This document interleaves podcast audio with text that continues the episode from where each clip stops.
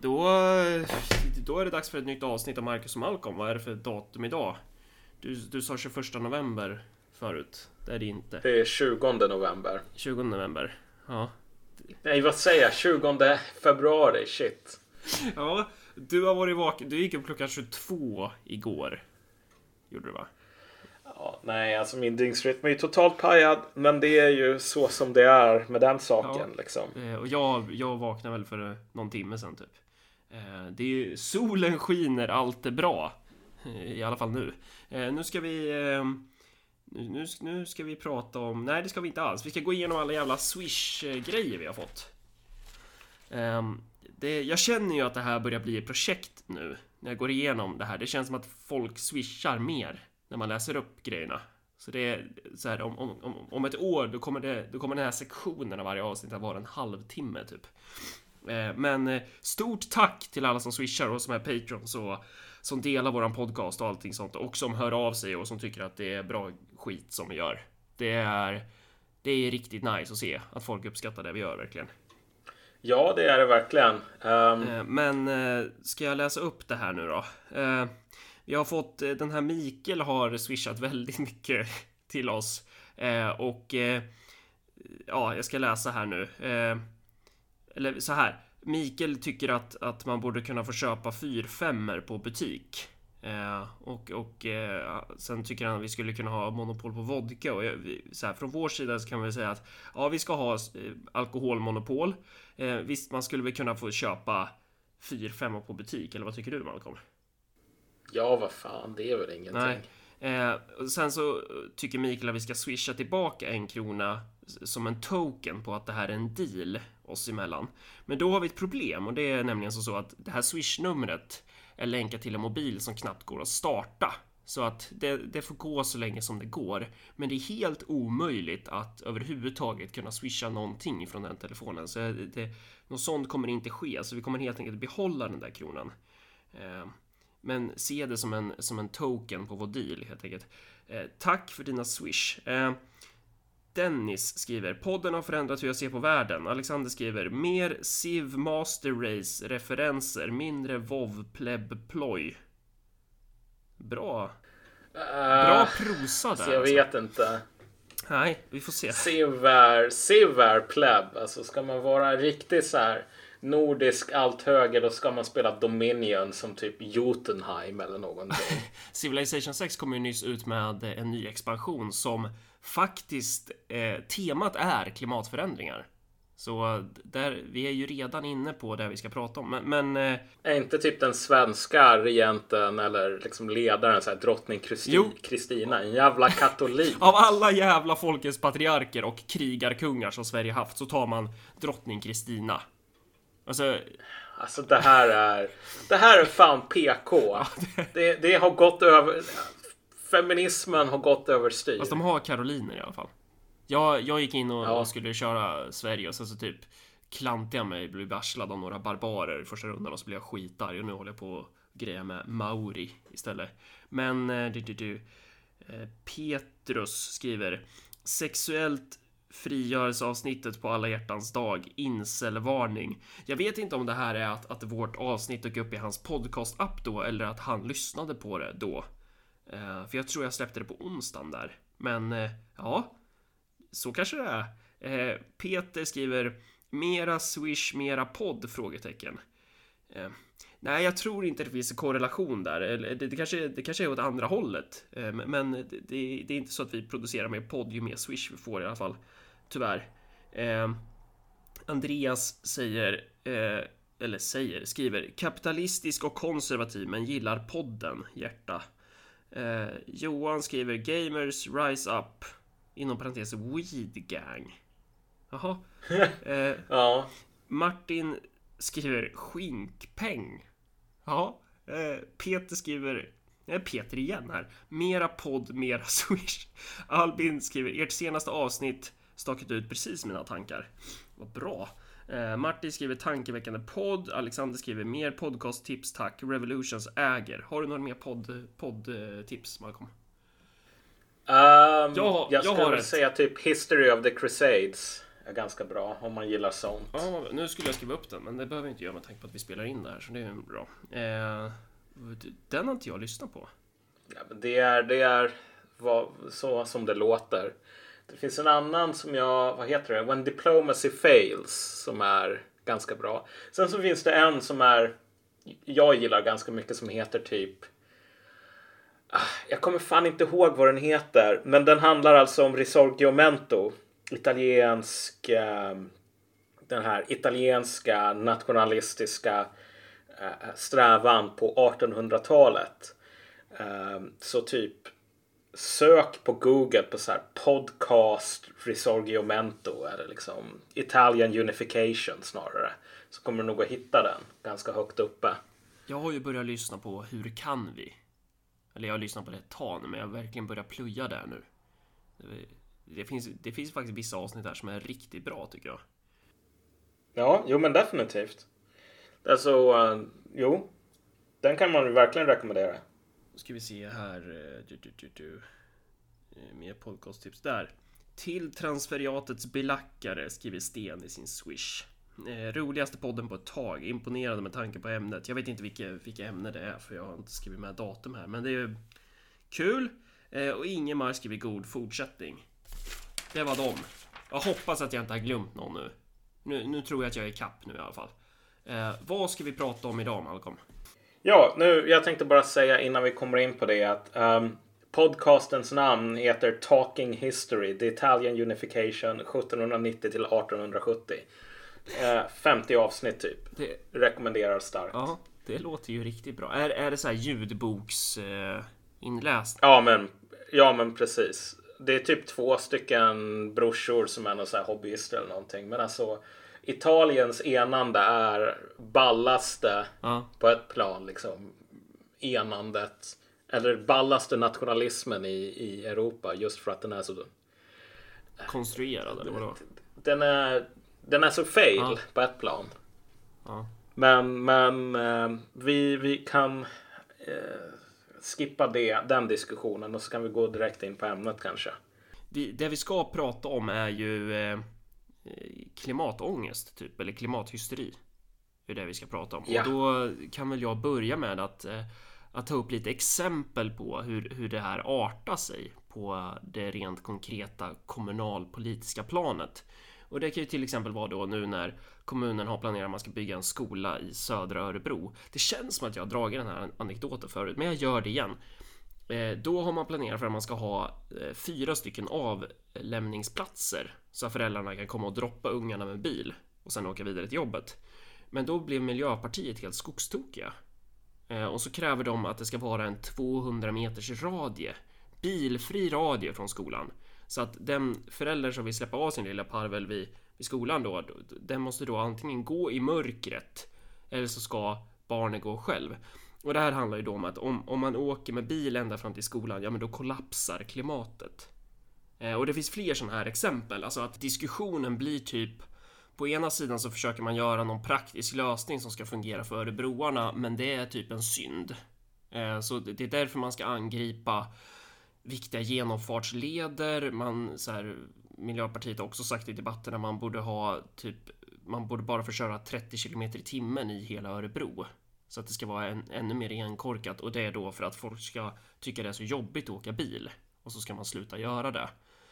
Um, och sen har vi en till grej i Örebro, det är det här med Agenda 2030 som är någon jävla FN... Eh, det är någon FN-policy typ. Och det här har ju Örebro kommun då såklart bestämt att man ska implementera på det kommunala planet. Man ska örebroifiera det. Och då, då innebär det då att varje kommunstyrelsemöte så sitter vi nu alltså då och har en workshop för att i, i hur man ska implementera Agenda 2030s mål.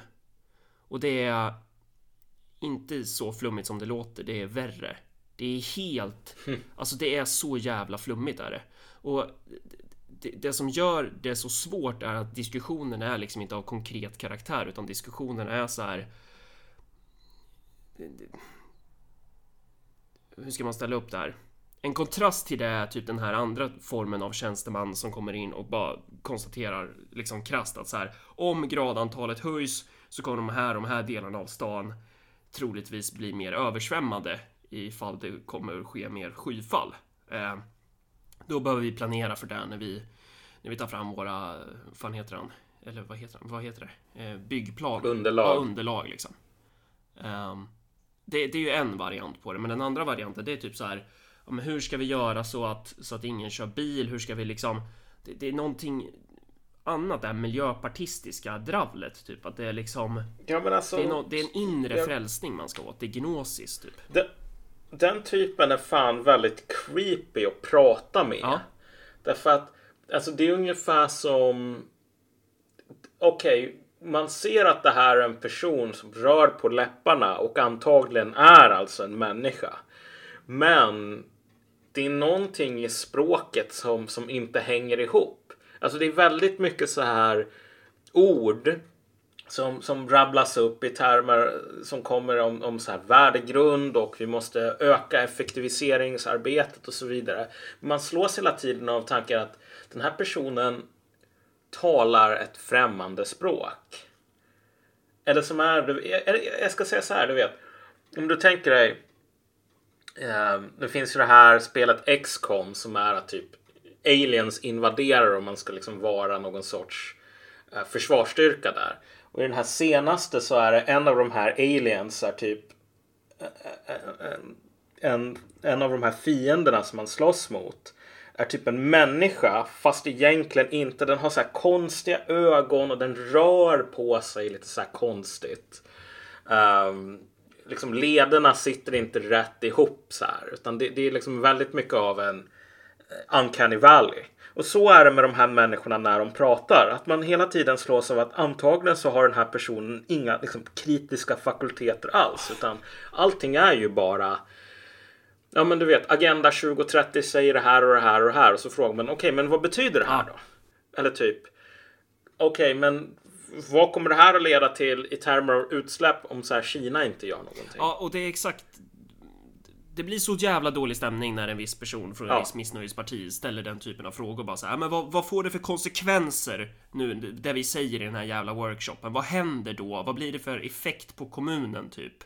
Eh, Mm. Och, och, så här, även om Örebro skulle nollställa sin, sin klimatpåverkan helt och hållet så spelar det ju ingen jävla roll om Kina gör si eller så. Eller Kina mm. gör Xi eller så. om Xi Jinping i, i, i, Kina tycker att så här. Eh, nej, vi skiter i det här. Jag menar, då kan vi ju sitta här och slå oss på bröstet för att vi har typ skuldsatt kommunen 71 gånger om eh, för att vi ska nollställa våra utsläpp. Men så här, våran impact är ju minimal. Mm. Um, och därmed inte sagt att typ så här, jag förnekar klimatförändringar eller sånt där. För det är ju det enda argumentet man får emot sig. Så här, bara, ja, men man kan ju vara en klimatförnekare. Kommunstyrelsens ordförande Kenneth Nilsson var uppe i talarstolen när vi höll på att prata om att det är jävligt dumt att lägga ja, minst en kvarts miljard på att renovera eller renovera, demolera viktiga genomfartsleder. Det kommer ju kosta ännu mer. Eh, och det är ingen örebroare som har bett om ännu mer trafikstockning och så här. Men det här måste göras och bla bla bla. Och då, då går liksom han upp, eh, högsta hönset för politiken i Örebro, går upp då och visar en jävla overheadbild på vattenbristen i Sverige. Och han använder det som ett argument för varför man måste göra de här eh, trafikförändringarna då. För att då menar ju han att ja, men det finns ju en tydlig, ett tydligt samband här med att eh, mer bilar är lika med alltså, försämrat klimat och då blir det mindre vatten typ. Eh, och då började jag och Peter asgarva och då såg jag han där och så sa han liksom Ja, men man kan ju förneka klimatet. Man kan ju vara en klimatförnekare. Man kan tro att det här bara är PK-media. Alltså, det är ju vad de tror. Det är ju så de tänker typ när när de får kritik för den här typen av policies. Att liksom, mm. nej men det finns bara två alternativ här. Antingen så eller så, ja, det, så kanske de inte tror, men, men man, man, får intrycket av att de... Eh, att så fort man bemöter eller kritiserar de här praktiskt politiska förslagen som de lägger som får en jävligt stor impact på örebroarnas liv, ja då förnekar man klimatet.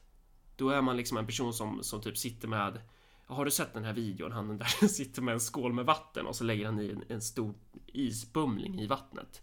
Och så ska han bevisa att Nej. det är någon jävla film typ. Så här är någon person som sitter med en skål med vatten och så lägger han i is och, och genom det så ska han då förklara att eh, för, för att då smälter ju isen till slut och sen så rinner inte vattnet över. Och då ska han förklara att eh, höjda havsnivåer har ingen påverkan eller hur fan det nu är. Att det är så här, det gör inget om isarna smälter. Havsnivåerna kan inte gå upp typ. Eh, att, att så här, man, man framas som en sån person så fort man ifrågasätter eh, liksom opraktisk klimatångestdriven politik. Mm. Men det här är ju, och här måste man ändå eh, flika in en grej. Nu är det ju så här att folk i, för att använda det ordet, PK-media eh, vill ju gärna, och folk i den här samhällsklassen överlag, vill hela tiden säga att vi har vetenskapen på våran sida. Men alltså som något som är väldigt tydligt om man faktiskt läser om hur man har rapporterat om de här frågorna är ju att väldigt många vetenskapsmän har haft extremt mycket fel. Uh, om man ser tillbaks till vilka liksom, projektioner som man har gjort förut.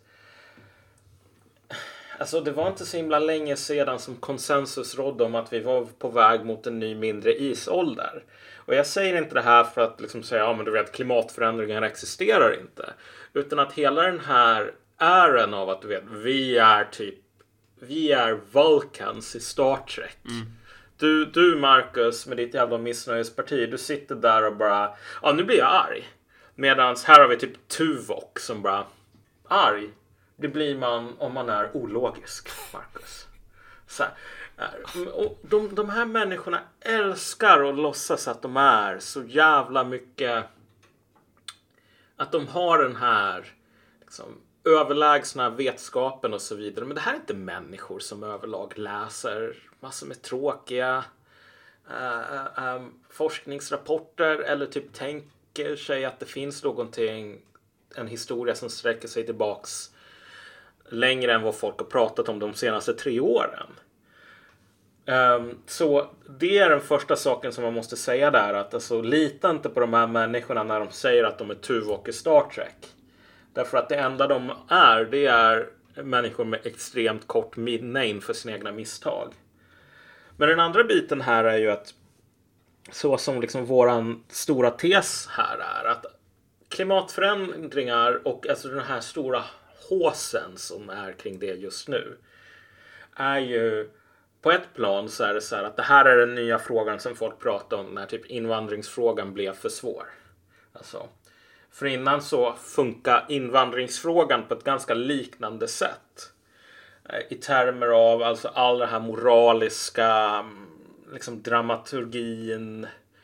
Vi måste göra någonting nu. Vi måste liksom stå där uppe på barrikaderna och göra det här superviktiga för annars så kommer världen att förintas i ett moraliskt mörker.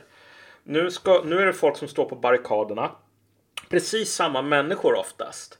Men säger att alltså, nu kommer hela, nu kommer det inte vara så att vi får en ny Hitler. Utan nu kommer allt liv på hela planeten att dö. Mm. Det är en eskatologi det handlar om, andra ord. Ja, en lära om de sista dagarna mer eller mindre. Och så här, folk tror ju att okej, okay, men nu när folk inte är traditionellt religiösa längre så har de religiösa impulserna fallit bort. Men det är typ tvärtom. att alltså, När folk inte tror på Gud så betyder inte det att de inte tror utan de tror bara på lite allt möjligt. Finns det ett ganska bra på citat. På många sätt är den här tron på något inom situationstecken jävligt ja. obehaglig. Just av den ja. anledningen för att den är så sjukt oberäknelig. Den kan ju slå åt alla möjliga håll. Jag menar, tror du på ja. din gud, då har man ju ändå någon slags det finns ändå något ramverk där det finns ett, en början och ett slut på hur, hur ens världsbild är konstruerad. Men, men den här bristen på eh, tro blir också en tro i sig på något sätt. Ja. Jag hittade på någon sån här loppis i Uppsala för en tio år sedan eller någonting. En sån här um, bok, en minibok som var en sån här artikelserie från SvD. Som handlade om uh, Um, vad heter det nu? Alltså på den tiden som SvD typ skrev saker som var intressant att läsa då och då. Men men den kanske var från så här mitten av 80-talet eller någonting, den här artikelserien. Och den handlade alltså om att okej, okay, ingen tror ju på Jesus Kristus längre. Så nu, vad tror kidsen på? Och då är det så här, men människor som var typ 20 för en 30 år sedan typ. Det var sådana man frågade. Och svaret var ju då att det var massor med så här nyandlighet. En del trodde på reinkarnation, en del trodde på ja, men ditten och datten och sån här liksom spiritualitet så. Alltså den, det här någonting som folk trodde på då. Det var Alltså det var typ Pagans i Crusader Kings 2. Några av de här töntiga, fredliga Pagans som håller på typ dyrkar en sten eller någonting för att det bor en, eh, en, en sån här välvillig ande. Det var åt det hållet. Men alltså de religiösa impulserna som vi ser idag är de är ju mycket mer så här domedagsmörker, eh, så, nära förestående apokalyps, kamp mellan goda och onda, väldigt mycket manikeanism. Um, ehm, och det är väldigt fascinerande att den förändringen har skett. Ja, och framförallt så är den här eskatologin, den är koncentrerad kring en viss klass. Eller kring en viss klassskikt. Och det är ju det som blir... Eh, det är ju liksom inte Larsa 53 som har kört lastbil hela livet som står och, och skriker om att... Eh, ja, vad, vad skriker han om? Vi måste sluta äta kött. Vi måste sluta använda plastpåsar. Utan det här, ja. det är ju de här... Det är det här mellanskiktet som är beroende av transfereringar från det offentliga eh, mellanskiktstransferiatet. Det är de som pratar om det här mest. Personer som kanske till och med försörjer sig på att prata om det här. Eh, att producera en ideologi. Det är ju deras eskatologi. Det är deras lära om de sista dagarna det här är. Ja, och en eskatologi är liksom för att bara så att alla lyssnare är med på tåget här. Det är en berättelse om hur världen kommer att ta slut. Uh, och i det så innebär det i regel att man faktiskt påstår att vi lever nu i ett avgörande skede just nu. Det här är alltså liksom farstun till det här eh, slutet. Vi lever i de sista dagarna just nu och alla människor har givna roller att spela. Men normalt sett så är det ju bara ett par människor eller liksom medvetna, de, de rättrogna som är utvalda och står på rätt sida i den här konflikten. Um, och att de har ett väldigt viktigt arbete normalt sett, de här rättrogna. Um, att de har en uppgift att göra för att liksom, på, på, den tiden som det var folk var kristna, då var ju uppgiften att förbereda Jesus återkomst. Uh, men idag så är den mer diffus. Men alltså de utvalda måste göra någonting och de måste motverka de här fienderna, liksom krafterna hos som, som tjänar antikrist. Ja, och, och, de är ju upplysta på ett annat sätt. Eh, under ja. kommunstyrelsemötet så sa ju kommunstyrelsens ordförande också att det största hotet mot den här typen av politik är ju folkviljan. Eh, det är ju det största hindret för att kunna implementera det här. Eh, för att folk... De sa det öppet? Ja, det, alltså det är ju inte, jag tror inte det är protokollfört men han sa det på mötet i alla fall. Det är ju inte inspelat eller någonting. Tyvärr. Mm. Men Någonting sånt var det liksom. Jag tror inte han skulle förneka det om man frågade honom. Utan, för, för grejen är det, man måste förstå Alltså om man sätter sig i deras position, eller många av de här, och här finns det ju en skala, vissa är ju mer tokiga än andra, men, men den här ideologin som många har liksom tendenser av, den säger ju att eh, folkflertalet är så bekväma i sin klimatdestruktiva livsstil, så att folk förstår inte att de förstör klimatet. Därför måste vi få upplysta personer som har en högre moral och som faktiskt har kunskap till skillnad från den här jävla obildade pöbeln. Vi måste driva igenom de här reformerna för att jag menar världen kommer ju gå under. Just eftersom att det är en eskatologi mm. så, så blir det ju motiverat att gå emot folkflertalet för att folkflertalet förstår ju inte. Jag menar om du och jag skulle veta om att våran planet höll på att gå under. Men majoriteten skulle tycka att, eller skulle ställa sig i vägen för att vi skulle rädda världen. Det är klart att vi skulle gå mm. över majoriteten då. Det är klart att vi skulle försöka rädda världen. För det är ganska viktigt att rädda världen. Och det, problemet är ju bara det att världen håller inte på att gå under. Utan det är, en kla Nej, det är klassen, den här klassen håller på att gå under. Och då producerar ja, alltså man ju det här. Alltså den håller på att desklassificeras. Då produceras ju det här man måste ha en kanal, man måste ha en berättelse för vad det är som händer. Eh, och då är ju klimathysterin en del av det. Eh, och, och, och, det är därför det blir så svårt att så här, prata om för jag menar, det, det är därför det, det, man ibland kan uppleva, eh, det tror jag från båda sidor så här, men är det verkligen en människa jag pratar med nu? När man diskuterar mm. så här bara, den ena personen säger så här, ja, ah, här kan vara en avlämningsplats så man kan dumpa ungarna och sen kan man stressa iväg till jobbet.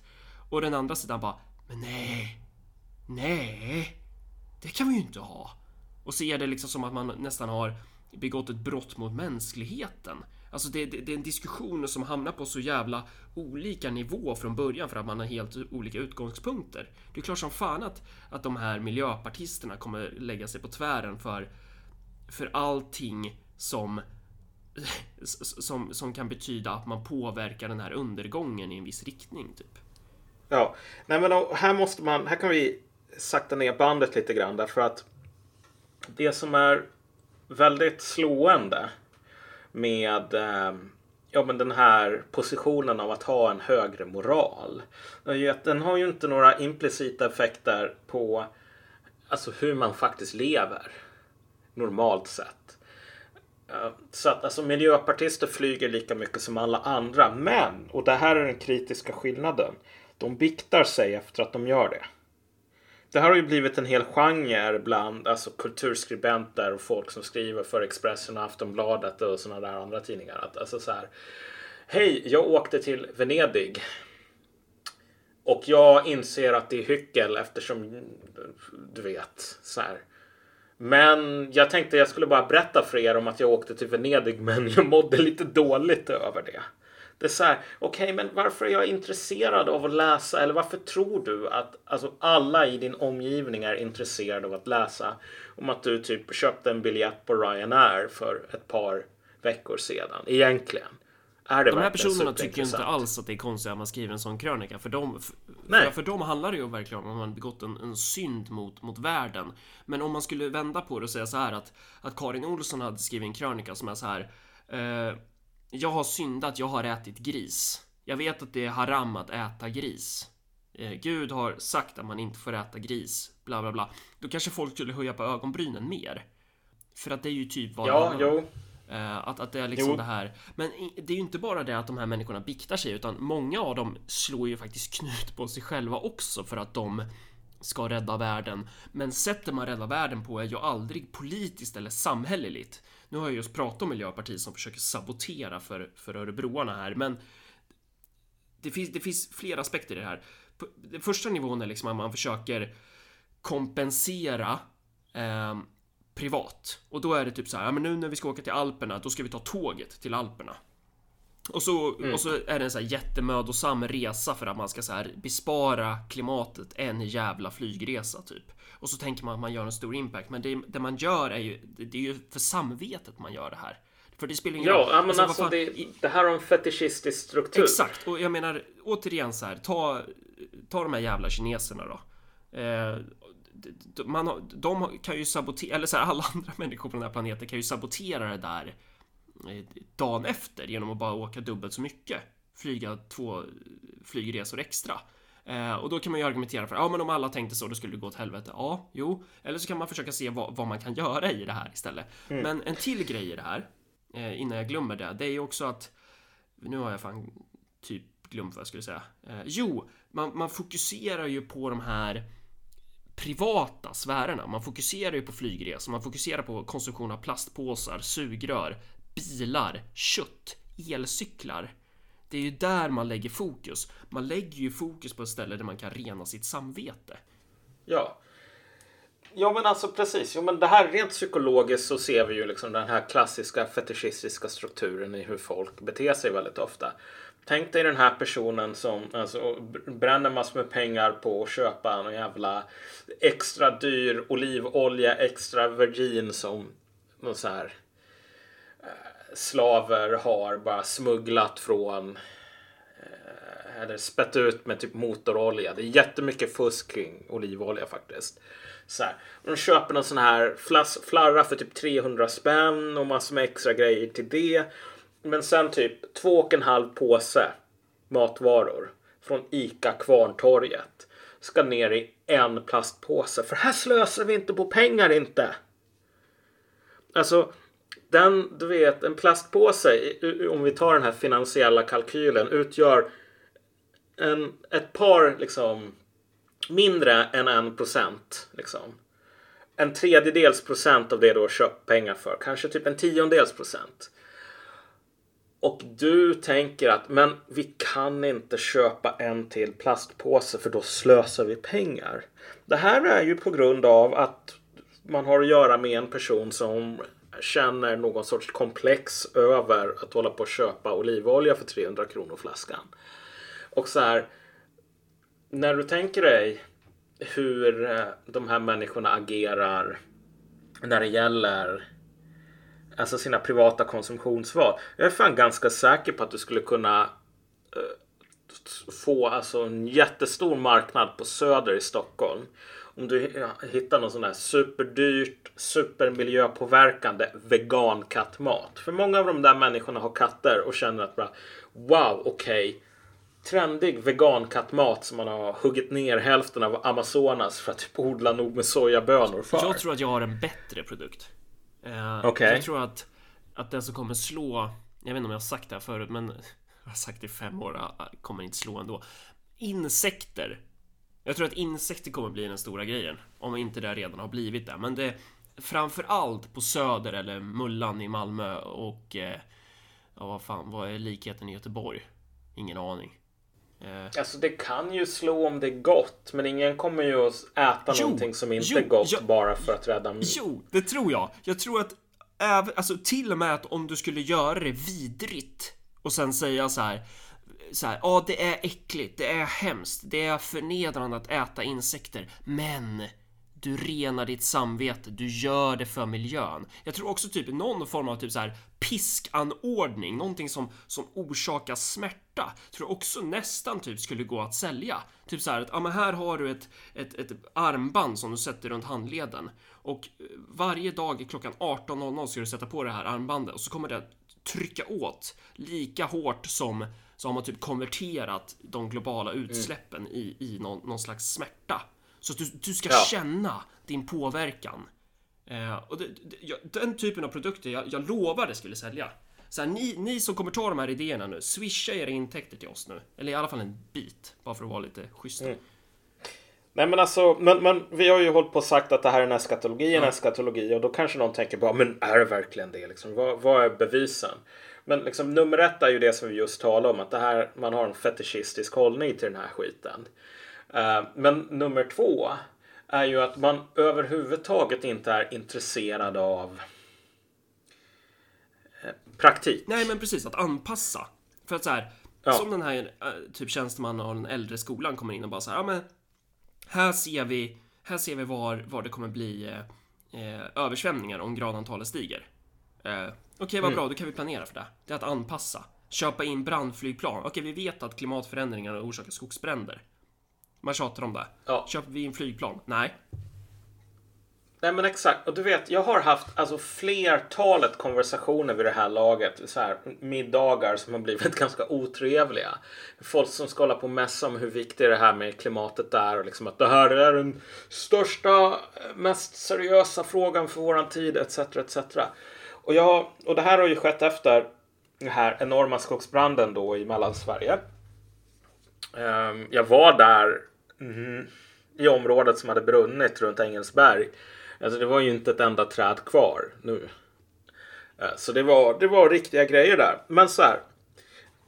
Ja, de här människorna har på och pratat om hur jävla viktigt det här är och liksom nu bryr sig folk verkligen om klimatet och liksom klimatförändringar. De är verkligen oroade på riktigt. Jag bara stötte bara, men vänta lite nu. Du vet, Folk höll på och mässade om att så här, skogsbränder är ett, ett seriös risk som vi måste ta på allvar. Okej, okay, det kan komma skogsbränder som kan bli mycket större och mycket farligare än vad vi är vana vid. Och liksom folk måste fan fatta det här. Mm.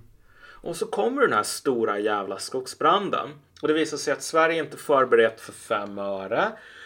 Eh, liksom, militärens eh, civil krisförsvar totalt fuckat. Um, det finns inte nog med resurser, ingen vana att samordna myndigheter. Typ de hatade polackerna måste skicka eh, sina eh, patriarkala genusproblematiska brandbilar för att rädda oss. Um, och sen så liksom kollar man, ja men du vet, hur mycket kostar de här planen som var för dyra för att köpa in? Ja men 500 mille. Så får du typ två stycken plus reservdelar plus typ träning till någon pilot också. Och typ, är det någon som driver frågan om att man borde göra det? Bara, nej. Fast, fast grejen är, till och med här så skulle vissa av de här idioterna säga att ja, men plan, flygplan är orsaken till att det finns skogsbränder till att börja med. Ja, ja, ja, jo visst, visst, visst. Alltså fine. Här, men, vi, men, vi, men, vi kan ha elcyklar med brandslangar på, det är okej. Okay. Ja, ja, men då skulle man väl vara intresserad av att bygga något sådant alternativ. Ja. Men poängen är att när man har de här diskussionerna med de här liksom äh, de här mässande PK-människorna. Ja. Det är så jävla roligt för när du påpekar bara vänta, det var ingen som brydde sig om Folk höll på att skrika i åratal om du vet katastrofen kan komma någon gång i framtiden. Ni måste ta det här på allvar. Och så kommer katastrofen och bara folk bara rör sig vidare till nästa stora katastrof. Och de bara, ja men vet du vad? Först blir, alltså det tar en 10 sekunder eller 5 sekunder för dem att typ ens öppna munnen för att det här är lite för jobbigt.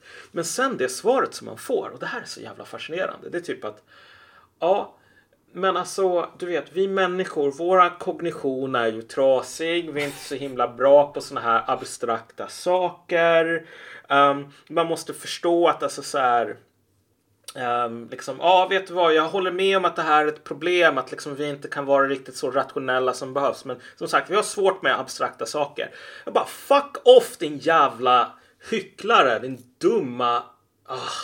Alltså så här, abstrakt. Mm. Det är att säga att om fem miljarder år då kommer eh, solen på grund av sin liksom, interna fusion att svälla i takt med att bränslet försvinner och den kommer att svälla så mycket så att jorden kommer inte att gå att bo på. Så här, fem miljarder år i framtiden. Det är abstrakt.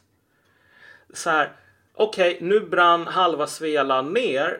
Vill man undvika att halva Svealand brinner ner nästa gång Uh, köp det här italienska planet eller två stycken. Kostar så och så många hundra miljoner i en statsbudget på x antal hundra miljarder om året.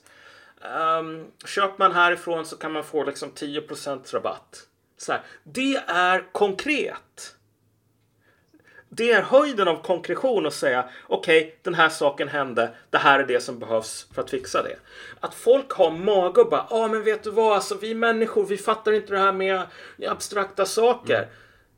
Det är du som går upp dig i en total abstraktion och sen så fort någon av det här som du pratar om konkretiseras så rör du dig vidare. Det är för att du inte är intresserad av konkretion. Men där, i det här så kan man ju också säga att, det, att att du och jag är dumma i huvudet. För vi måste ju förstå eh, att de här människorna, det kanske vi gör nu, men, men man ska ju ha klart för sig att om man skulle åka tillbaka till medeltiden och eh, mm. ställa sig, alltså typ när buldpesten härjade, du berättade ju om det här, då, då liksom gick ju folk runt och piskade sig själva.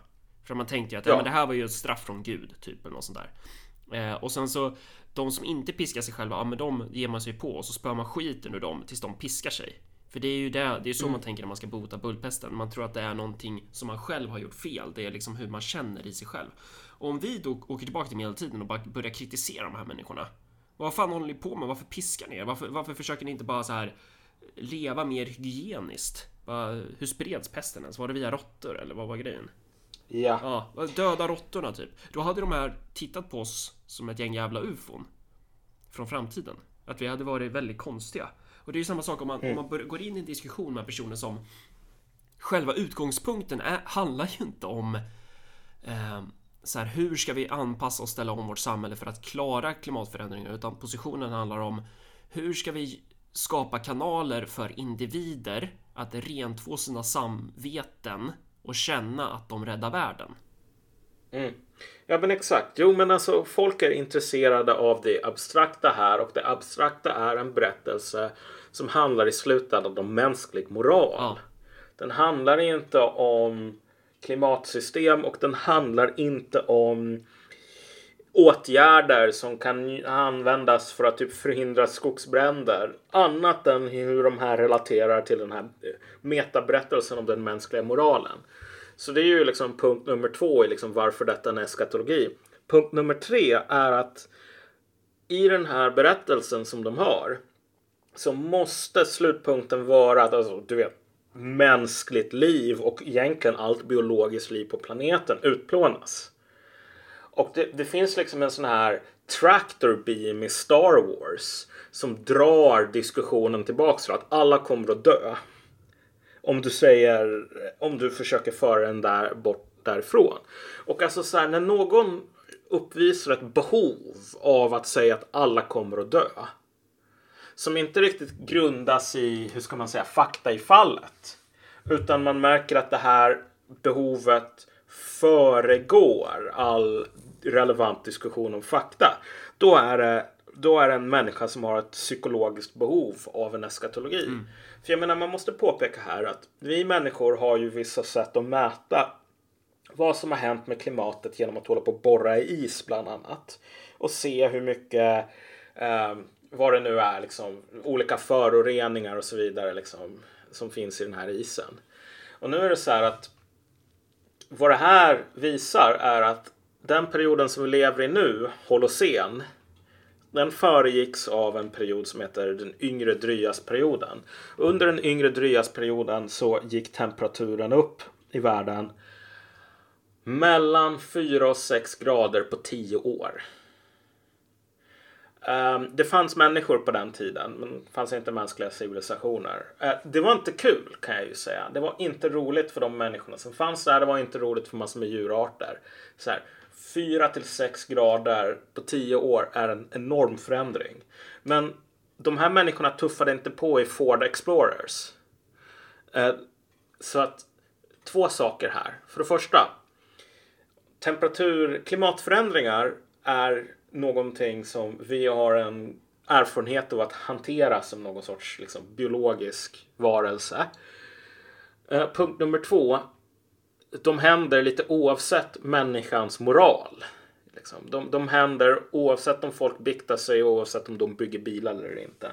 Men den andra biten är ju så här att domedagsscenariot nu som inte kommer bara utplåna mänsklig civilisation utan kommer att utplåna alla människor och utplåna typ alla andra djur också. Det är så här fyra grader eh, över en 150 år. Och så har du folk som säger, ja men vet du vad, alltså två och en halv grad över 100 år, det är fortfarande för mycket, liksom alla kommer att dö. Um, min poäng här är inte att det, kom, att det här antropogena, alltså människoskapade klimatförändringar är liksom en dans på rosor eller någonting.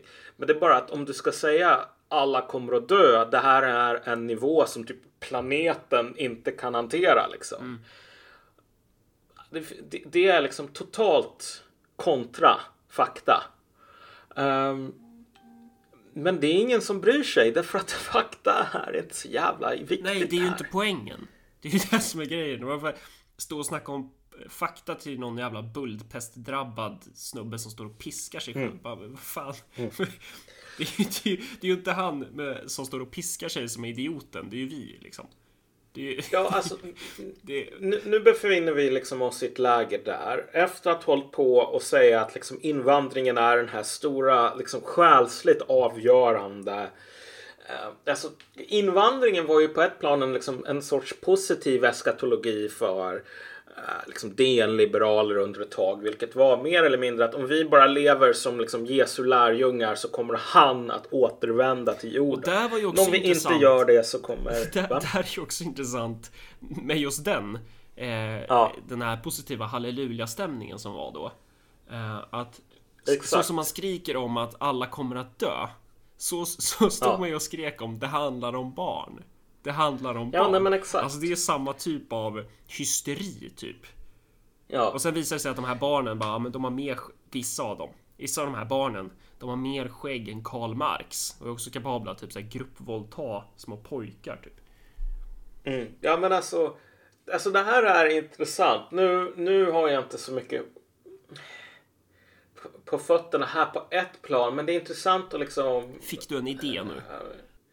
Nej men, jag, för jag tror att precis som du säger 2014-15 var verkligen och det är svårt att ens greppa hur mycket som har ändrats mm.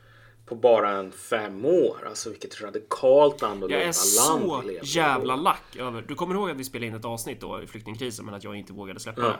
För jag, jag tänkte att det kommer bli sånt jävla... Det hade blivit sånt jävla liv. Men du sa ju i princip allt det som har hänt. Du sa så här. Eh, det var ju precis då med Allan Kurdi och allt det där och du sa ju liksom bara konstaterade kallt att ja, det som kommer hända är att folk opinionen kommer tvärvända. Hela den här halleluja-stämningen kommer vändas 180 grader inom loppet av ett år. Eh, Ja. och jag släppte inte det. det jag, jag borde gå och piska mig själv på ryggen nu. För att jag inte gjorde det. Ja, nej men finns det kvar någonstans att du inte bara säger saker som folk kommer att anklaga att liksom, det hände inte precis som månlandningen? Det finns kvar i en trasig dator. Så om vi har någon... eh, Ah, Jag får väl be någon eh, IT-kunnig IT, är det ens IT? Jag får be någon som kan datorer att eh, lösa det. nej men alltså, men, men hur som, alltså den tiden var ju fortfarande så här, det var liksom en positiv vision om att Alltså vi är de utvalda, snart så kommer liksom kungariket, Guds kungarike på jorden ungefär. Bara vi, vi öppnar gränserna. Och alltså det är indikativt på liksom social finansiell stress skulle jag nog säga att folk hänfaller åt den här messianistiska eh, extasen. Men nu sen Trump och Brexit hände så har det här utbytts i en sorts nattsvart liksom att det som står för dörren är en total förintelse.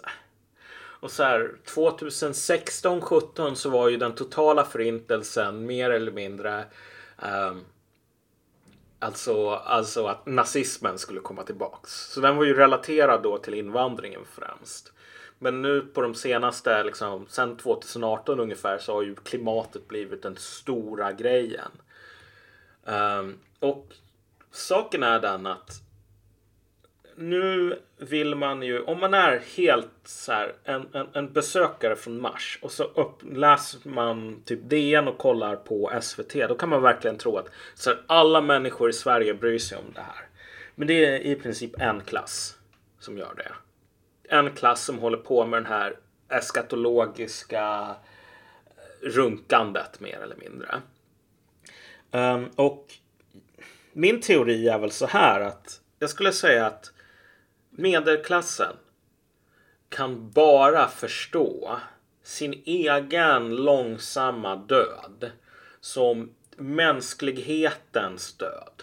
Eller moralens död. Civilisationens död. Alltså, den måste ta på sig den här moraliska dimensionen. Och jag läste faktiskt en jävligt intressant eh, bok som handlar om så här, ja men typ motsvarigheten till de här människorna på 1100-talet i Italien när du har de här större städerna som typ Modena och Parma, Modena och Parma och typ ehm, Firenze och sådär.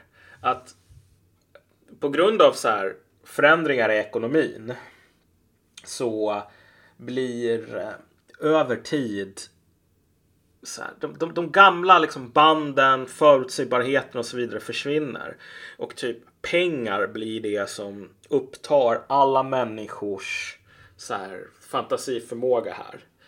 Men grejen är ju att man har, om man kollar på liksom vad folk skrev om det här med pengar så framträder en extremt så här kluven bild.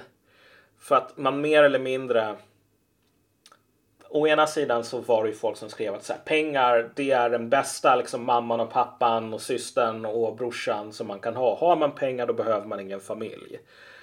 Um, och andra bara sa liksom It's of the devil, typ. Och, och poängen här är bara att det var en enorm social stress som av olika anledningar föll på de här städerna.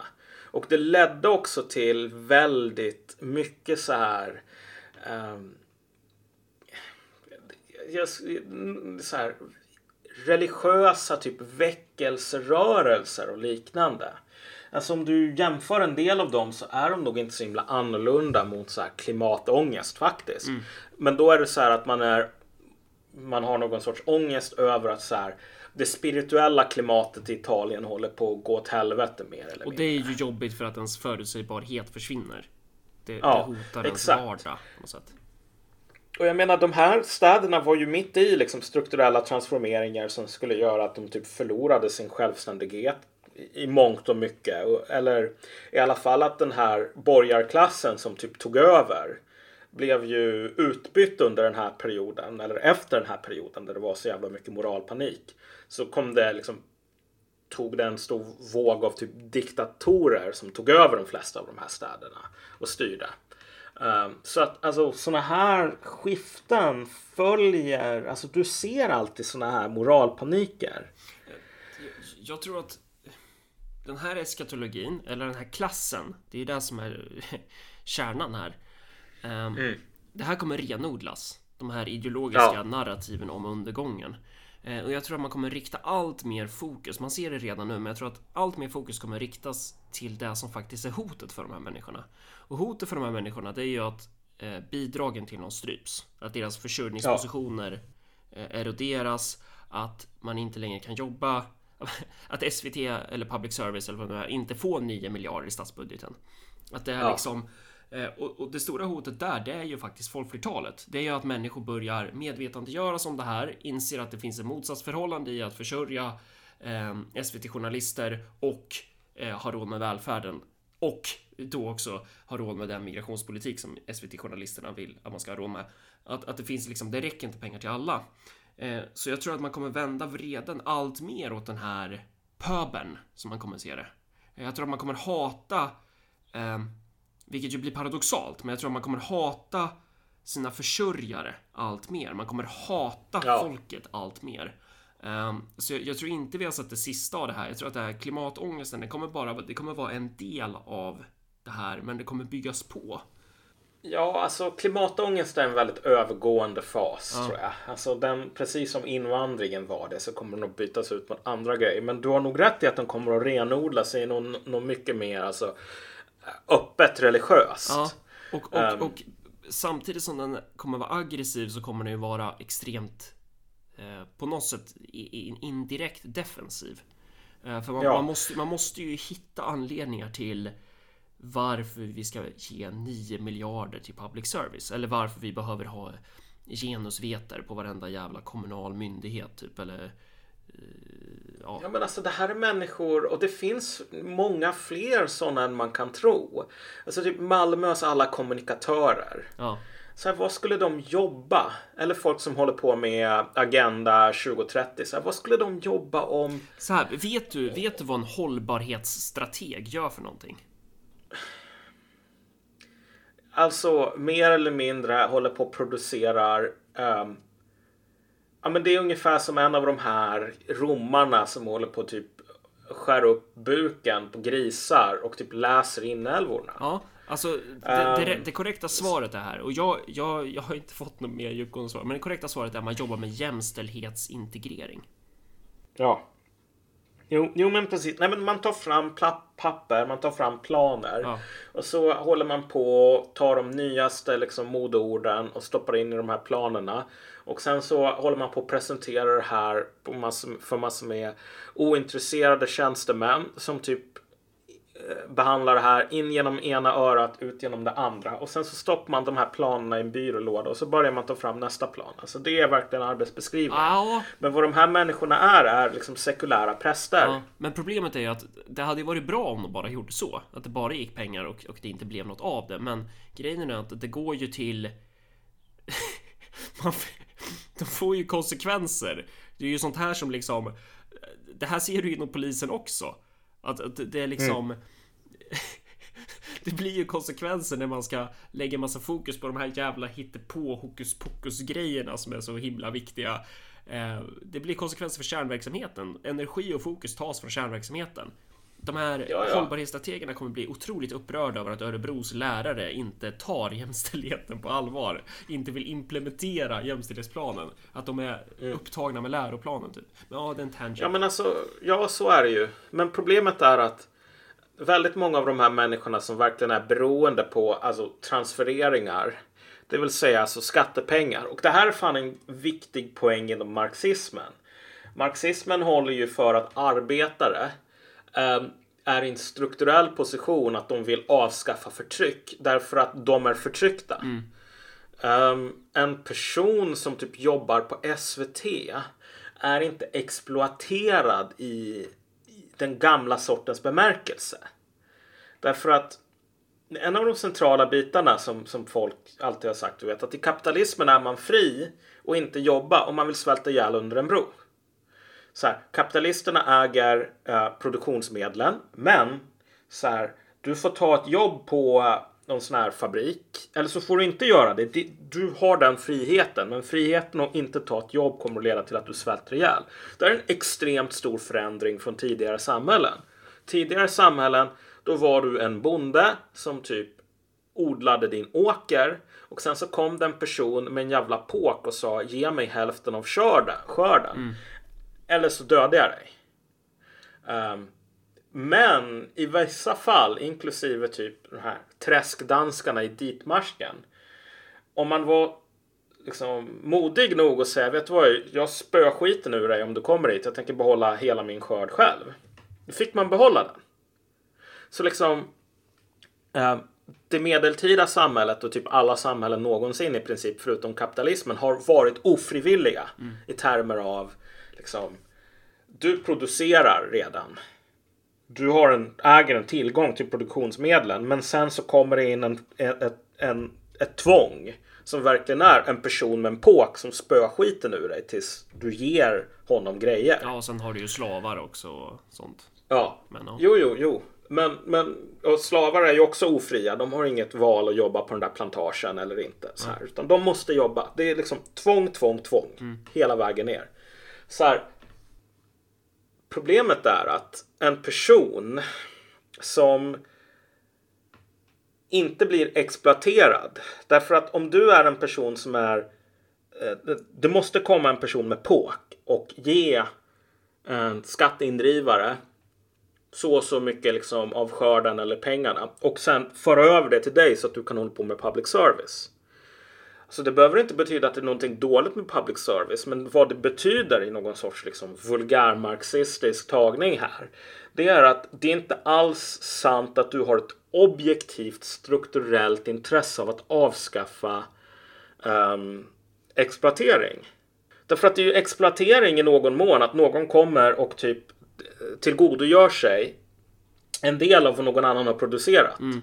Som gör att du kan leva på det sättet du gör. Och visst, här finns det ju massor med saker i termer av, jo men det finns massor med funktioner som man kanske behöver finansiera genom transfereringar mm. som är typ jätteviktiga och så vidare. Och no arguments there. Men, men, men poängen här är att den klassen som vi talar om nu, um, den har ett klassintresse i liksom, fortsatta redistribueringar av resurser genom staten. Um, och det klassintresset är inte alls samma som typ klassintresset hos en arbetare nödvändigtvis. Och problemet är ju att vad vi ser idag rent politiskt är ju den här enorma strukturella förändringen i kapitalismen i sig som gör att det blir jättesvårt att alltså finansiera um, vad heter det nu? Jättesvårt att finansiera tidningar via marknaden. Så att alltså den, den, den branschen är på life support och den life support är liksom statliga pengar. Mm. Men problemet är samtidigt att du har där tidigare medelklassen har totalt dominerat det politiska samtalet. Och då den här sortens medelklass så växer ju de här populistiska partierna som har sin väljarbas i människor som är arbetare och liksom lägre, de produktiva delen av medelklassen mer eller mindre. Egenföretagare. Mm. Uh, den sortens personer. Uh, alltså det här är en enorm kris för typ folk som Björn Wiman. En enorm strukturomvandling. Lika stor som den som typ krossade gillena i liksom medeltida Italien. Um, och ja, nej men det är nog verkligen därför som, om man nu ska ta Björn Wiman som exempel igen, som man ofta språket blir nästan så här naket religiöst. Vem är det? Han kallar de här... Va? Ska jag veta vem det är? Björn Wiman är ju, han är väl typ kulturskribent på DN okay. eller vad han nu är. Mm. Han skriver åt DN i alla fall. Men alltså han skrev ju en bok om eh, eh, som var liksom en samling om hans krönikor om sin egen klimatångest typ. Mhm, mm. Och han är ju bara en random kulturskribent. Han är ju inte någon forskare eller någonting i den stilen. Så. Men, men han skrev en bok som bara var en samling av krönikor. Mm. Och ehm, den boken var en total katastrof. Eh, jättedålig, fick dåliga recensioner. Har du läst vet. den? Ehm, jag har läst utdrag ur den och de utdragen räcker kan jag säga. Men alltså så här, Wiman kallar alltså alltså populister, alltså ondskefulla människor. Han använder någon så här ondskans hantlangare eller någonting sådant. De säger att de hatar livet självt. Liksom, Wiman kallar bokstavligen talat eh, typ sina motståndare för typ antikrist. Ja, exakt. Fast liksom sekulärt. Det, där har du det. Och det där, det där kommer vi se så jävla mycket av. Det där, ja.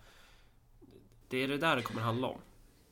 Ja, nej men alltså, och typ du behöver kalla någon antikrist. Du behöver den här eskatologin. Om du är liksom inträngd i ett hörn och hela din värld håller på att falla sönder. Alltså problemet idag är inte att världen som sådan håller på att falla sönder. För att alltså, den, den läxan som man ska dra av klimatförändringar. Det är att moder, mother nature is a crazy bitch. Alltså att det är sant att vi håller på att skjuta oss själva i foten. Men vi, om, vi lever inte i liksom ett förlorat Eden. Även om vi inte skulle skjuta oss själva i foten så skulle liksom det omgivande klimatet kunna skjuta oss i huvudet ganska enkelt.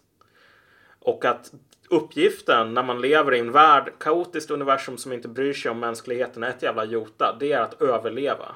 Det är det enda man kan göra. Och det är det som jag vill komma liksom- till någonstans. Om vi inte har poängterat det. Men att så här. Det är typ kört att kunna påverka klimatförändringarna. Det kanske går i en, i en liten skala. Eh, men, men så här, jag tror att man ska ju inte sluta försöka påverka klimatförändringar, skulle jag säga. Det kan, vara, det kan vara, finnas väldigt bra anledningar till, till att liksom försöka leva mer hållbart. Det som vi försöker ringa in här är ju en ideologi som utgår från samvetet, som utgår från den här renheten på något sätt. För att jag menar, som jag var inne på till exempel, okej, men så här, strategin borde ju vara hur kan vi anpassa vårt samhälle efter klimatförändringarna? Ja, Okej, vi vet att det kommer bli mer skogsbränder. Vi har tjatat om det här i tio år nu. Alla vet ju det. Speciellt de här personerna som, som skriker om klimatförändringar. Vi vet att det kommer bli mer skogsbränder. Ja, men då behöver vi köpa in mer brandflygplan. Vi vet att vi kommer behöva eh, ställa om vår energikonsumtion. Okej, men är vi villiga då att, att ställa om till kärnkraft? För det, det är ju typ det som det kommer innebära i praktiken. Nej, nej, det vill man inte. Okej, för det är inte, det är inte tillräckligt liksom. Eh, det är inte tillräckligt mycket MP-poäng på den liksom. Så då, och då får man importera någon jävla rysk gas eller tysk kolkraft istället. Och även där tycker jag det är intressant för att i den här ideologin så finns det ju ett utrymme då att säga att då är det inte ett problem för att då har ändå Sverige gjort vad Sverige kan göra och då blir det här, då hamnar den här bollen hos tyskarna eller ryssarna istället. Då är det, då är det deras kors att bära i klimathelvetet sen när de hamnar där. Eh, och sen en till grej och det är ju det här med migrationen. Alltså migrationen påverkas ju sjukt mycket av klimatförändringar. Eh, och då borde man väl försöka ställa om sin politik. Men, men fråga första bästa miljöpartist. Ja, men vad ska vi göra för förändringar av migrationspolitiken? Och svaret du kommer få är typ så här. Ja, men avskaffa gränserna. Det är aldrig typ så här i termer av. Ja, men då kanske vi borde ha en, en strategi som är hållbar för nationens överlevnad. Vi kanske borde ha någon form av eh, assimilationspolitik så att vi, det liksom vi kan införliva och naturalisera migranter in i, i det svenska samhället då. Att Det här finns ju inte. Man vill inte prata där för man, man vill vara på den här Nej, världen kommer gå under, världen kommer gå under. Och man bara, men hallå, lugna ner dig. Och de bara fortsätter skrika, världen kommer gå under, världen kommer gå under. Och för några år sedan sk- så skrek de, det handlar om barn, det handlar om barn oavsett vad man sa. Ja, men exakt. Även om det var ganska mycket bevis på att det inte handlar om barn så var det viktigt för liksom, den personliga moraliska resan, liksom, the journey to Jerusalem, att, att, att det skulle handla om barn. Det handlar ju delvis om barn, men... eh, Men inte på det Ja, sätt alltså som till de en väldigt mycket mindre del än vad folk gav sken av, Ja. visst. Men så här, ja, men den, här, den här sortens eskatologier är väldigt intressanta. Och liksom, vi kan ju avsluta med att gå in på att det finns en annan eskatologi som inte hör den här klassen till men som har att göra med invandringen också. Ja. Eh, som handlar om mer eller mindre liksom, en berättelse om den här sista eller den nära förestående liksom, förintandet av Sverige. Och här kan man också se en tydlig skillnad i klasstillhörighet. Nu kan inte jag prata. Eh, Man, man kan se en tydlig skillnad i klasstillhörighet för den här eskatologin också. När vi har den här klimathysterin, det är ju primärt det här liksom grönrustade mellanskiktet. Eh, liksom medelklassmänniskor som är beroende av transfereringar från det offentliga. Men den här eskatologin som säger att Sverige kommer gå under på grund av migrationen. Eh, den typen av eskatologi hittar du ju mer i skikt inom arbetarklassen och kanske också delar av medelklassen, men typ de här produktiva delarna. Eh, vad ska vi... Alltså, att det är en annan... Det finns en annan materiell bas för den typen av idé. Och då, då kan vi ju bara gå in på detaljerna hur den ser ut. Och Ja. det är mer eller mindre alltså ett påpekande utan några bevis och utan någon referens till så här, men hur saker och ting har funkat i historien. Så mer eller mindre är att så här, okej, du vet. eh, invandringen kommer att fortsätta som den är nu och vad det kommer att leda till är liksom att svenskarna bara tillåter sig själva att förslavas mer eller mindre. Du vet, det är ganska tydligt att det inte kommer att vara så att de här ungarna i tjafs kommer att sitta på typ Barsebäck och Ringhals och hålla på och sköta underhållet av Sveriges kärnreaktorer. Utan svenskarna kommer att leva som någon sorts liksom slavar, heloter och typ hålla på och serva de här människorna med liksom bidrag och underhåll ända tills liksom det finns för få svenskar, de sista blir ihjälslagna, typ våldtagna och typ landet kollapsar till Mad Max mer eller mindre. Um, och i andra länder så kanske den här processen skulle kunna hindras typ. Men om du men problemet är att svenskar är alltså unikt syndiga. De är fallna i en väldigt så här moralisk typ ja, men, kristlig bemärkelse. Det centralt i den här berättelsen är att oavsett om du kastar upp massor med exempel från jag menar alltså hur sådana här processer när det kommer massor med människor och bygger typ kolonier. För det är ju mer eller mindre vad områden som typ branscher är där ingen talar svenska. Det är liksom en transplantation av den egna kulturen, det egna sättet att leva, de egna värderingarna och så vidare. Eh, och så eh, med den stora skillnaden att tidigare försök att bygga kolonier och transplantera sitt sätt att leva på har liksom transplanterat typ sitt sätt att reproducera sig på. Men i, i Sverige den sortens kolonier som vi börjar se är ju liksom totalt försörjda av majoritetsbefolkningen. Vilket är någonting sjukt unikt. Men så här. Uh, liksom kolonier är ingenting nytt. Och vad du ser genom historien är att när de blir lite för stora och där alltså, den ekonomiska konkurrensen blir lite för hård. Då får du massor med etniska konflikter som förr eller senare leder till typ fördrivningar, rensningar. Ehm, och att det finns ingenting som tyder på att så inte skulle ske i Sverige. Men enligt den här eskatologin så, så tror man då att, att det inte kan ske i Sverige. Ja. Ja. Ja, ja men precis. Eller vänta, vad sa du nu? Hör, du mig nu? Sorry. Eh, enligt, Ja, jag hör dig. enligt den här eskatologin så tänker man ju då att det här skulle inte kunna ske i Sverige. Att, att Sverige, skulle, Exakt. Sverige skulle inte kunna göra som Jugoslavien typ. Nej men precis, Sverige skulle inte kunna göra som Jugoslavien eller typ alla andra någonsin så här. Folk som typ kastade ut grekerna från Krim liksom för 3000 år sedan. Um, därför att svensken är unikt kuckad. Om du kommer med liksom argument då kommer det bara tillbaks till att nej men vet du vad, jag vet redan att svensken är fallen. Och då är det ju nere på samma nivå som okej, men du säger alltså att hela livet, alltså allt liv på planeten kommer att förintas om det går upp 4 grader på 150 år. Ja. Men det gick ju upp 4 grader på 10 år här. Så här. Håll tyst jävla klimatförnekare liksom. Det där, det var då, nu är nu liksom. Alltså när, när folk hamnar i det där att alltså, de har redan skrivit ut svaret och sen så gäller det bara att få ekvationen att gå ihop och så ändrar de när du säger att ja, men det där producerar inte det svar som du vill ha. Då bara ändrar de på liksom, ekvationen och den ändrar, ändrar och ändrar och ändrar. Så märker man att de är inte intresserade av att räkna ut någonting utan de är intresserade av att få någonting bekräftat. Um, men jag har märkt att alltså, det där är nog kanske till och med mer vanligt hos delar av medelklassen liksom, än vad det är hos arbetare. Även om det finns en hel del arbetare som jag tror går åt det här hållet. Och poängen här är väl ungefär densamma. Att du får den här sortens behov av eskatologier, berättelser om de sista dagarna. Um, uh, när folk är trängda. Och jag menar, det är ju inte konstigt att arbetarklassen i Sverige känner sig trängd. Därför att det är på arbetarklassen som har dumpat alla jävla problemen. Det är, det, det är liksom de som inte har möjligheten att kompensera när så här, kön till folktandvården går upp till fyra år på vissa ställen. Som ett direkt resultat av invandringen. Um, men problemet är, är så här att vad, vad de här människorna har att stångas med är i slutändan någonting kvalitativt i ett annat universum än vad Björn Wiman och hela hans klass på Söder har. Björn Wiman är uppemot en... Ja, den högre nivå här.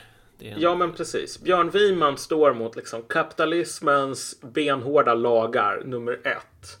Och liksom en, en, ett politiskt uppvaknande mobilisering hos hans objektiva klassfiender. Eh, både en del liksom kapitalister som börjar inse att ja, vi kan inte dra åt det här hållet. Det här, jag kommer att tjäna mindre pengar om det bara blir kaos. Och typ jättemånga människor i den lägre medelklassen och arbetarklassen som bara, vet du vad, jag vill inte hålla på att försörja um, hur många bidragstagare som helst och typ hur många jävla ideologiproducenter som helst. Så här, när inte jag kan laga tänderna. Som, som dessutom Så, hatar sina försörjare. Ja, men exakt. Alltså det är ju otacksamhet all the way down. Men, men så här, det är... Vet, alltså katten vete hur man skulle kunna vända den processen. Medans när det gäller det här med med eh, um, invandringseskatologin. Där sitter verkligen liksom skon på den andra foten som jänkarna säger. Jag kan, jag, jag försöker tänka mig hur, för vi har aldrig varit här förut historiskt med människor som typ bygger kolonier som typ branscher. Men där de inte liksom har något sätt att typ få tag på mat, få tag på vatten, värme annat än mer eller mindre frivilliga bidrag från... Ja, för det är ju det som äh, blir så unikt i den svenska situationen. Ja, där Sverige verkligen sticker ut. För att jag menar, titta på typ eh, svenskarna som slog sig ner i, i, i Rusland, i Ryssland. Ja. Det, man gjorde ju det med vapenmakt. Typ alla kolonier har ju byggt på någon form, kanske inte vapenmakt, men man har ju haft en hållhake där man lyckats skapa liksom man kan upprätthålla sin makt på annat än eh, samtycke från den inhemska befolkningen. Ja men exakt. Och, och, saken är att det där ofta funkar rent historiskt. Alltså med du liksom mongoler som typ eh, avsätter kinesiska kejsaren, installerar sin egen dynasti. Det är för att typ för vanliga människor så spelar det inte någon större roll. Nej. Det är så här, en annan person jag betalar skatt till. Eh, och saken är ju den att att det finns en stor acceptans för det här genom hela historien. Det är ju för, för det första, nationalism är inte en grej. Nationalismen börjar bli en grej uh, typ i Europa 1600-talet ish. Så kan man säga liksom här har vi de tidigaste exemplen där sådana här saker verkligen börjar spela någon roll. Men den andra biten är ju att om du är vi tar romarriket. De här barbarerna som bara hade sönder romarriket till slut. Uh, I värsta fall för många av de här bönderna så var alltså barbarerna typ bättre att betala skatt till än den romerska senaten. Därför att den romerska senaten var en fet, överviktig, liksom övergödd eh, liksom överklass som inte liksom skattetrycket var mycket högre att underhålla liksom, den romerska senaten än någon sån här jävla barbarkrigare som typ behöver eh, något så här trähus som man kan sitta och dricka öl i. Um, men alltså den situationen finns inte i Sverige. För det första, det finns nationalism. För det andra, någon sorts övertagande här av, jag vet inte vad, liksom somaliska pirater från typ Göteborg som säger Look at me, I'm the captain now. Uh, skulle inte leda till liksom en effektivare styrning av kärnkraftverket Ringhals. I'm sorry to say.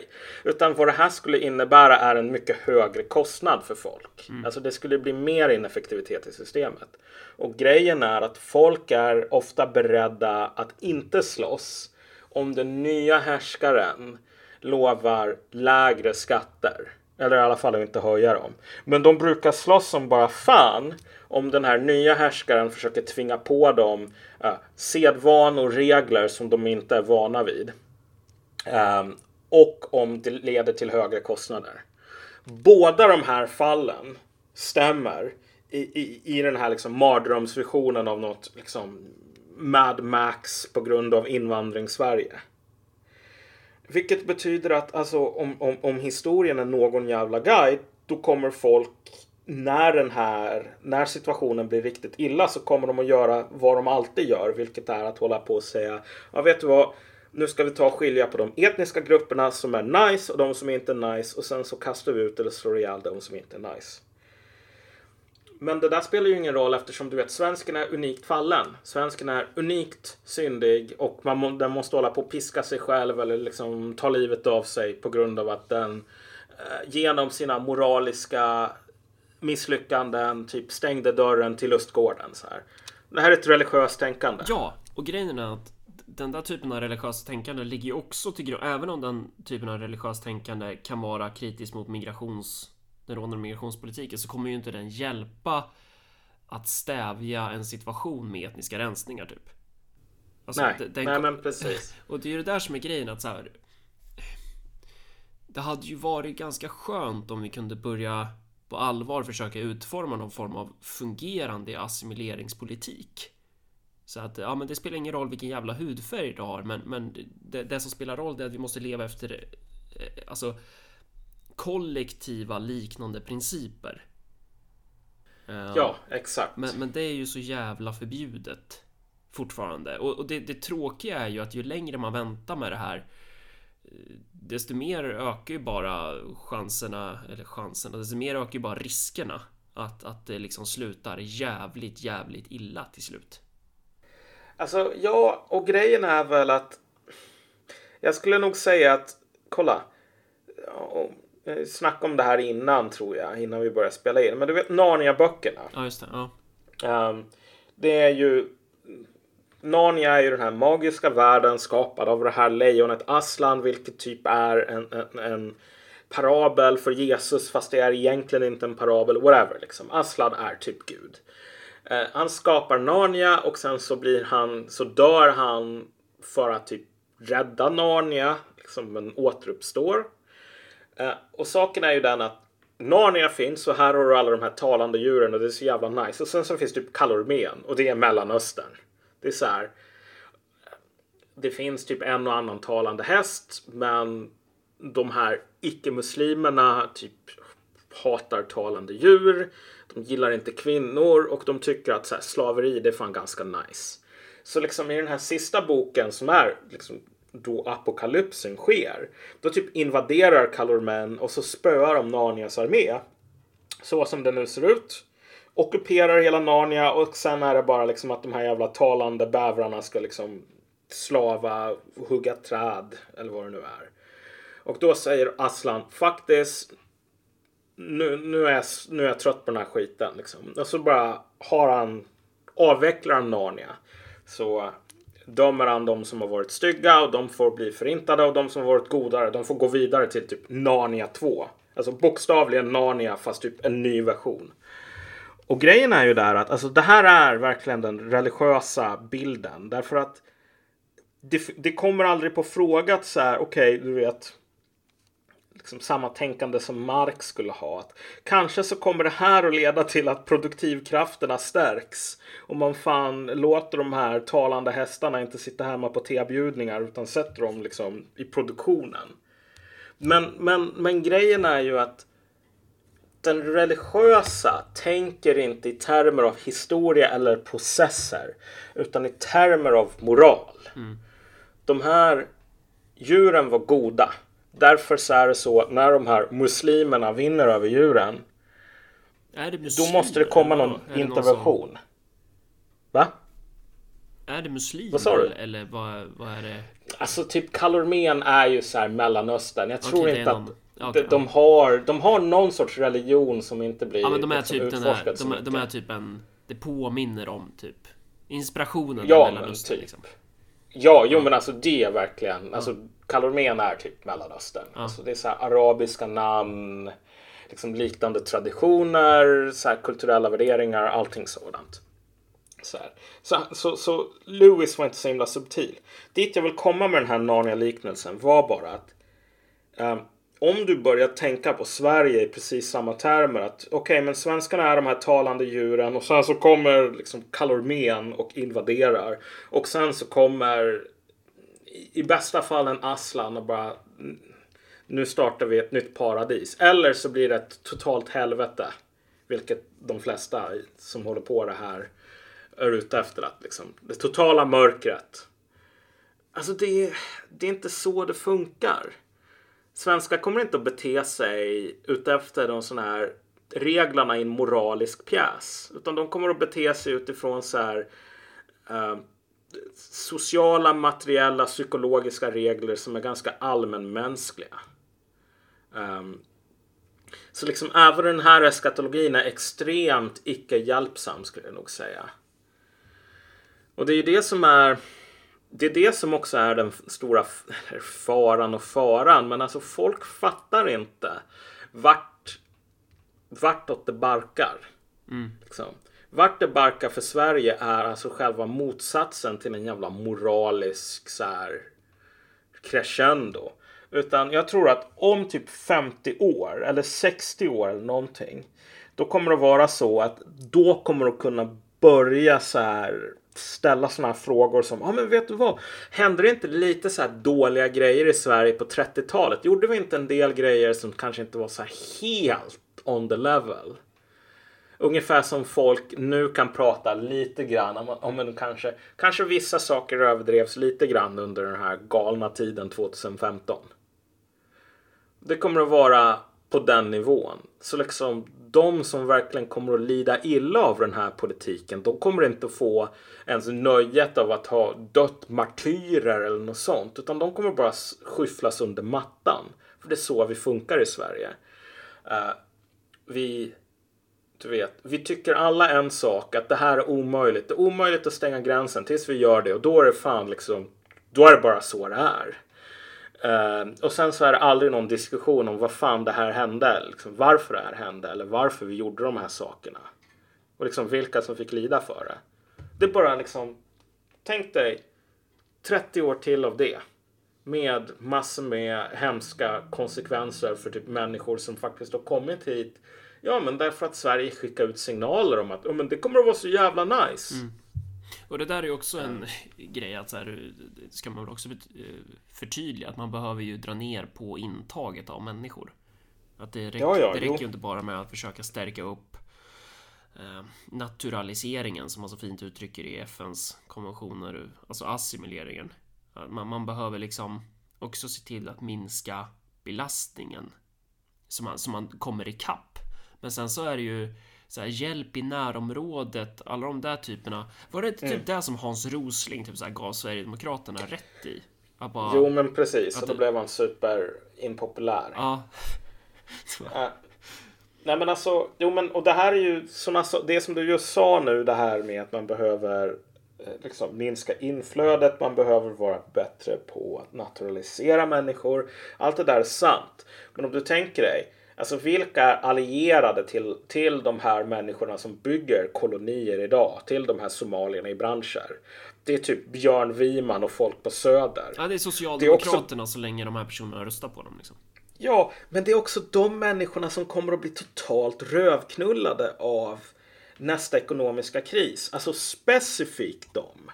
Därför att alltså det är de som har de här väldigt belånade villorna och lägenheterna som har, är liksom beroende av att räntan ligger på en historiskt abnormal nivå.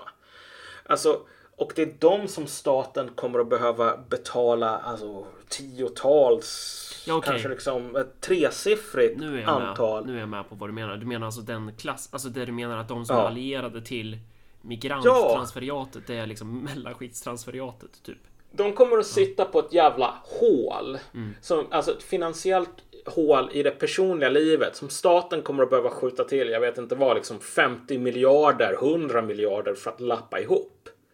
Och då kommer det helt plötsligt att vara så att de här människorna kommer på att afghaner kostar pengar. Därför att då kostar de pengar som ska gå till dem. Och det är så här, när det väl händer, de här människorna kommer att ha inga allierade alls. Det är det som är den stora grejen här, att alltså varför jag körde den här tröttsamma jävla Narnia-referensen. Att om du börjar tala i termer av liksom moral, goda människor, de talande djuren, onda människor. Så här. Alltså så funkar det i sagor. Men i det Sverige som vi lever i, det finns ingen, ingen moral att hitta någonstans här alls. De här människorna på Söder bjöd in folk och bara sa, vet du vad, du kan flytta till branscher och sen så kan du leva precis hur du vill. Vi, liksom Sverige betalar sekunden som pengarna måste gå till att liksom fixa deras jävla fucking amorteringar. Då kommer de att lämna de här människorna och svälta ihjäl. Mm.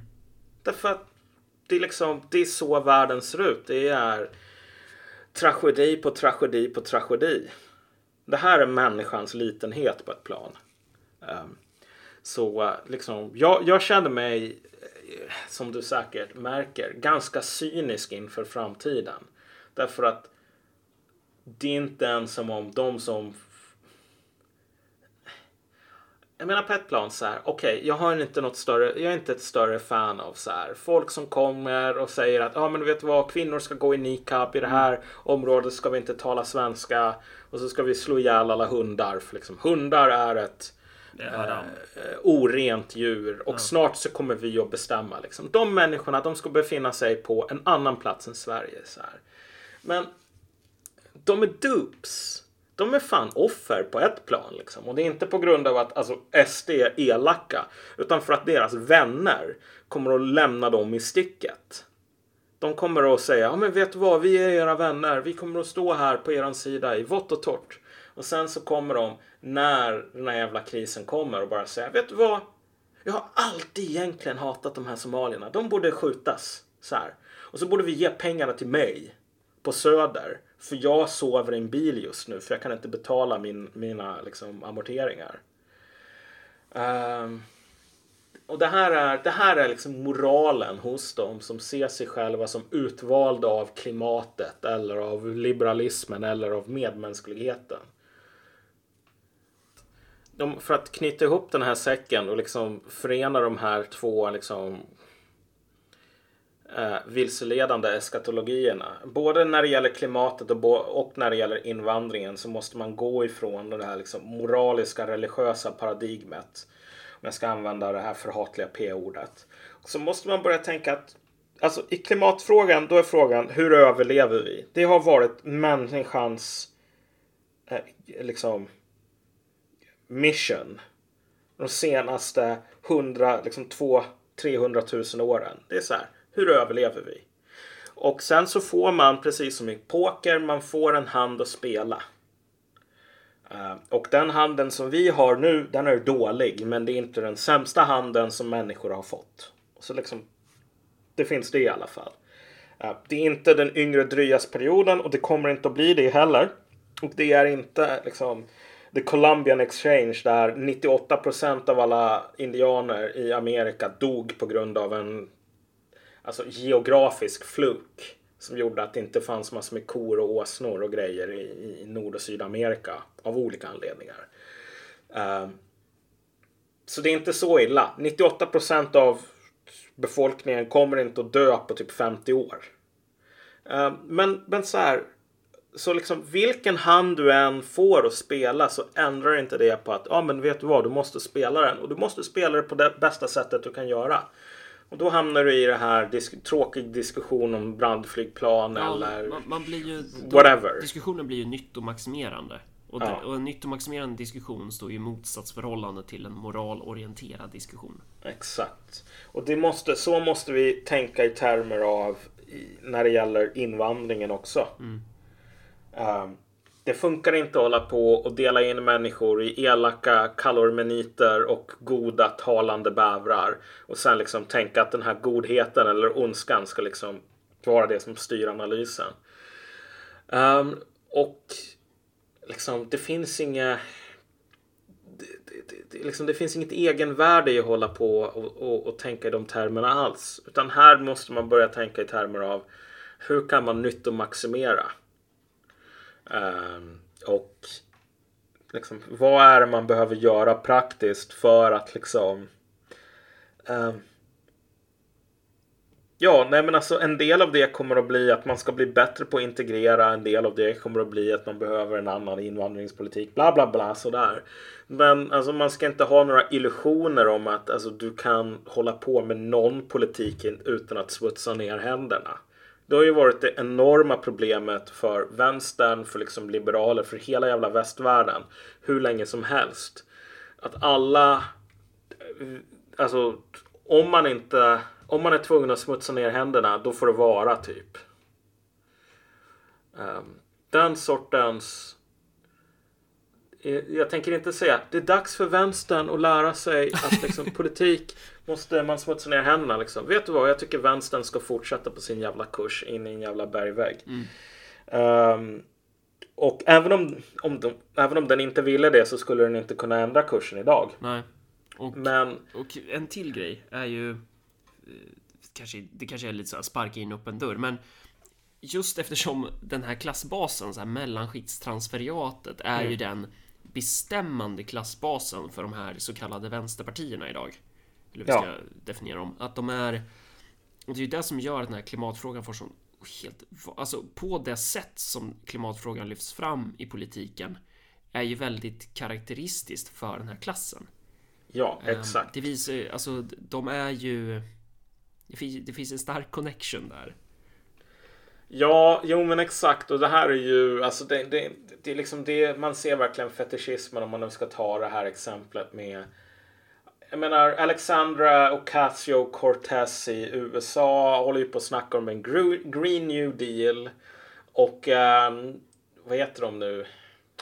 Reformisterna håller ju på också med en Green New Deal. Har du sett att det har bildats ett nytt parti som heter Vändpunkt? Oh, Carl, ja, Carl Schlüter har bildat det. Är de också intresserade av en Green New Deal? Ja, jag såg det igår när jag skulle lägga mig och bara Vad fan, kom det här nu eller? Tänkte jag. Och sen så har det har ju varit ute i några dagar nu tydligen att de har bildat ett parti som heter Vändpunkt. Med Carl, du vet Carl Schlüter, han från Miljöpartiet. Hm. Så det, ja, ja, ja, ja, ja, ja jag vet inte. Det... Nej men alltså, men, men det roliga är ju att med alla dessa jävla Green New Deals. Ofta så är det ju precis de problemen som vi har talat lite grann om i avsnittet. Alltså att du vet, man, man silar mygg och sväljer kameler. Liksom. Extremt bra policy när det gäller eh, hållbarheten i sugrör. Men så här, när det gäller typ energipolitik, kanske inte. Men sen är det också så här att du vet, man kan låna pengar på den internationella lånemarknaden för what could go wrong? Räntorna är låga. Um, och du vet, jag hatar, du vet, egentligen på ett plan. Om jag var en sån här ond, en riktigt ond gud. Då skulle jag fan alltså, jag skulle manipulera valen så att så här Sveriges nya regering med så här ett mandat på 70% av rösterna är um, Daniel Suonen plus så här, vad heter han nu, ETC-snubben? Socialismen. Johan Ehrenberg. Ja, Alltså de två människorna skulle liksom bilda regering tillsammans. För då skulle vi få Mad Max. Det är människor som bara, alltså höghastighetståg. Om man bara lånar en typ 300 miljarder på den internationella lånemarknaden så bygger man massor med infrastruktur. Fy fan vad jävla bra det kommer att bli. För jag har läst Keynes. Eh, Keynes. Alltså, och, och då blir det så här. Vänta bara tills ränteläget ändras och de här människorna som säger, "Ja, vet du vad, det här lånet som vi ska rulla över nu. Jag vill ha en ränta på typ 10 Eller så kan du betala tillbaks 300 miljarder på en gång. Liksom. Um, alltså det här är människor som är... Det är tur att de aldrig kommer att få någon som helst makt på grund av att, alltså du vet, att låna pengar är inte en jävla slam dunk. Fast grejen är den att... grejen är den att de har ju makt. Alltså kommunen, det är ju inte Daniel Suhonen som sitter i Örebro kommun. Men de sossarna som sitter där. De har ju, nu har vi 15 miljard, miljarder i kommunskuld. Eh, Våra skatteintäkter är 6,9 miljarder på ett år. Eh, driftbudgeten är på 8,6 miljarder. Eh, inom fyra år kommer vi ha 23 miljarder i kommunalskuld. Om de får igenom alla deras jävla projekt. Så att det är ju, och när man kritiserar det här, vet, vet, vet du vad de svarar då, Malcolm? Ja, att, att, men kolla hur mycket alltså, marknadsvärdet på alla de här resurserna som kommunen har, skollokaler och så vidare. Det är 40 miljarder, men sen svarar de också att tänk på tonen, Allard. Mm. Ja, tänk på tonen. Nej, men alltså, det här är ju det som jag tycker är så himla kul. Att återigen, man hamnar i precis samma problem som med invandring. Att så här, vi hade relativt öppna gränser. Um, Okej, det finns ju människor som säger precis som att alltså, problemet med Pol Pot var att det var inte tillräckligt mycket agrarsocialism. Liksom.